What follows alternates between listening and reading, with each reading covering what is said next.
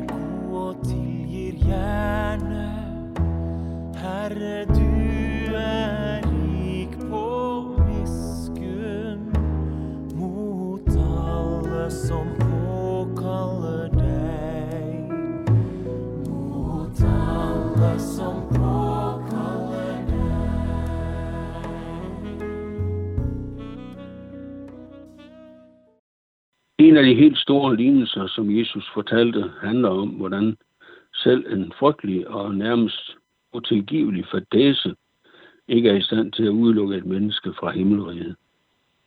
Jeg har en kollega, som på et tidspunkt sagde følgende til et menneske.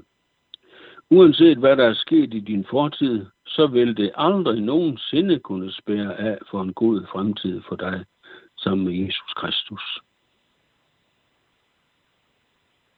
Den lignelse, jeg tænker på, har fået overskriften lignelsen om den fortabte søn, og står anført i Lukas evangeliet, kapitel 15. Jesus sagde også, en mand havde to sønner. Den yngste sagde til faderen, far, giv mig den del af formuen, som tilkommer mig. Så delte han sin ejendom imellem dem. Nogle dage senere samlede den yngste alt sit sammen og rejste til et land langt borte. Der øslede han sin formue bort i et udsvævende liv, og da han havde sat det hele til, kom, han, kom der en streng hungersnød i landet, og han begyndte at lide nød. Han gik så hen og holdt sig til hos en af landets borgere, som sendte ham ud på sine marker for at passe svin. Og han ønskede kun at spise sig mæt i de bønder, som svin nåede, men ingen gav ham noget.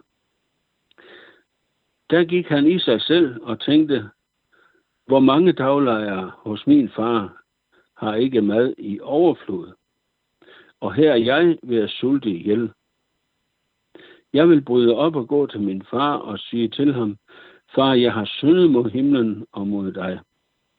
Jeg fortjener ikke længere at kaldes din søn. Lad mig gå som en af dine daglejere. Så brød han op og kom til sin far. Mens han endnu var langt borte, så hans far ham, og han fik medynk med ham, og løb hen og faldt ham om halsen og kyssede ham. Sønnen sagde til ham, Far, jeg har syndet mod himlen og mod dig. Jeg fortjener ikke længere at kaldes din søn. Men faren sagde til sine tjenere, skynd jer at komme med den fineste festdrag, og giv ham den på, sæt en ring på hans finger, og giv ham sko på fødderne, og kom med fedekalven, slag den, og lad os spise og feste. For min søn her var død, men er blevet levende igen. Han var fortabt, men er blevet fundet. Så gav de sig til at feste. Det er ikke grebet ud af den blå luft. Den historie, Jesus fortæller om en søn, der så eklatant træder sin far og stort set træder på sin far og stort set ikke regner ham for det skidt, han træder på, er ikke en uhørt historie. Det er sket tidligere, og det forekommer også i dag. Men det er luset. I dag kalder man det oftest arveforskud. Men som regel er det den samme sag, det dækker over, at man ikke kan vente, det ens forældre er døde. Det sker faktisk, at voksne børn over en årrække tiltusker sig de fleste af de penge, som deres forældre har sparet op gennem et langt liv. Det er luset. Der er, to, der er to forhold, som især gør Jesu historie til noget særligt. Det første er, at den ene søn får hele den arv, der tilkommer ham. Og det andet er, at faderen tager imod sønnen, da han kommer tomhænde tilbage til hjemmet. De fleste forældre vil ikke udrede hele arven på én gang. De vil begynde med lidt, og derefter se tiden an. Men sønnen i Jesu lignelse lægger altså op til et eklatant brud med faren og med barndomshjemmet. Giv mig den del af formuen, der tilkommer mig. Uanset at der kun sættes få ord på den adskillelse, sønnen lægger op til, så er det et alvorligt brud. Budskabet til faren er temmelig klart. Det kan godt være, far, at du gerne ville se mig gå i dine fodspor, men ærligt talt, så er jeg træt af den måde, det foregår på herhjemme hos mor og dig. Jeg kan ikke længere få vejret i det. Det er jo sådan med Jesu lignelser, at de sætter lys på et område i livet, som oftest set i forhold til Gud og Jesus Kristus. Derfor vil jeg spørge dig, om det måske er dig, der er sønnen eller datteren, der stadig er hjemmefra, og lade alt det med Gud og kristendom på hylden. Det er ikke utænkeligt, at det kunne være dig. For det handler nemlig om ganske almindelige mennesker. Jeg er selv en del af dem. Jeg er selv en af dem, der vendte ryggen til kristendom i min barndom og tidlige ungdom. Det andet, som, Jesus, øh, som gør Jesu historie til noget særligt, er den overraskende kendskærning, at faderen i historien ikke bare sætter en spæring op for sønnen. Tværtimod, han sætter ham igen ind i familiens midte og behandler ham fyrsteligt. Der bliver vist, det bliver vist meget vanskeligt at finde den far, der ville sætte sønnen ind i familiens midte igen, og det er helt uden begrænsninger. Når faren i Jesu fortælling opfører sig sådan, skyldes det den kendskærning, at faderen er et billede på Gud. Ingen andre end Gud vil kunne gøre det, som den her far gør. Hvis du er vokset op med kristendom i dit hjem, og siden har lagt afstand til det, er det Gud, du har lagt afstand til. Det er selvfølgelig ikke så godt, hvis du har lagt afstand til Gud. Men det, som den her lignelse fortæller os, er, at den afstand behøver ikke være permanent. Det er muligt at komme tilbage til Gud igen, nemlig ved tro på Jesus Kristus. Og det bliver altså ikke bare med værelser under trappen eller i garagen. Når et af de bedste værelser i huset, og med fuld hjemstedsret i hele huset. Sådan er det, når Gud tilgiver. Så gør han det fuldt ud. Må du egentlig er klar over, at hvis du er døbt med den kristne dåb, har du allerede fået frelsens gave. Den gave kan ingen tage fra dig, og Gud gør det heller ikke. Det, som Gud spørger dig om nu, det er, om du gerne vil tro på ham, og tro på hans søn Jesus Kristus. Hvis du gerne vil det, siger Gud, så har du allerede frelsens gave, den du fik i dåben.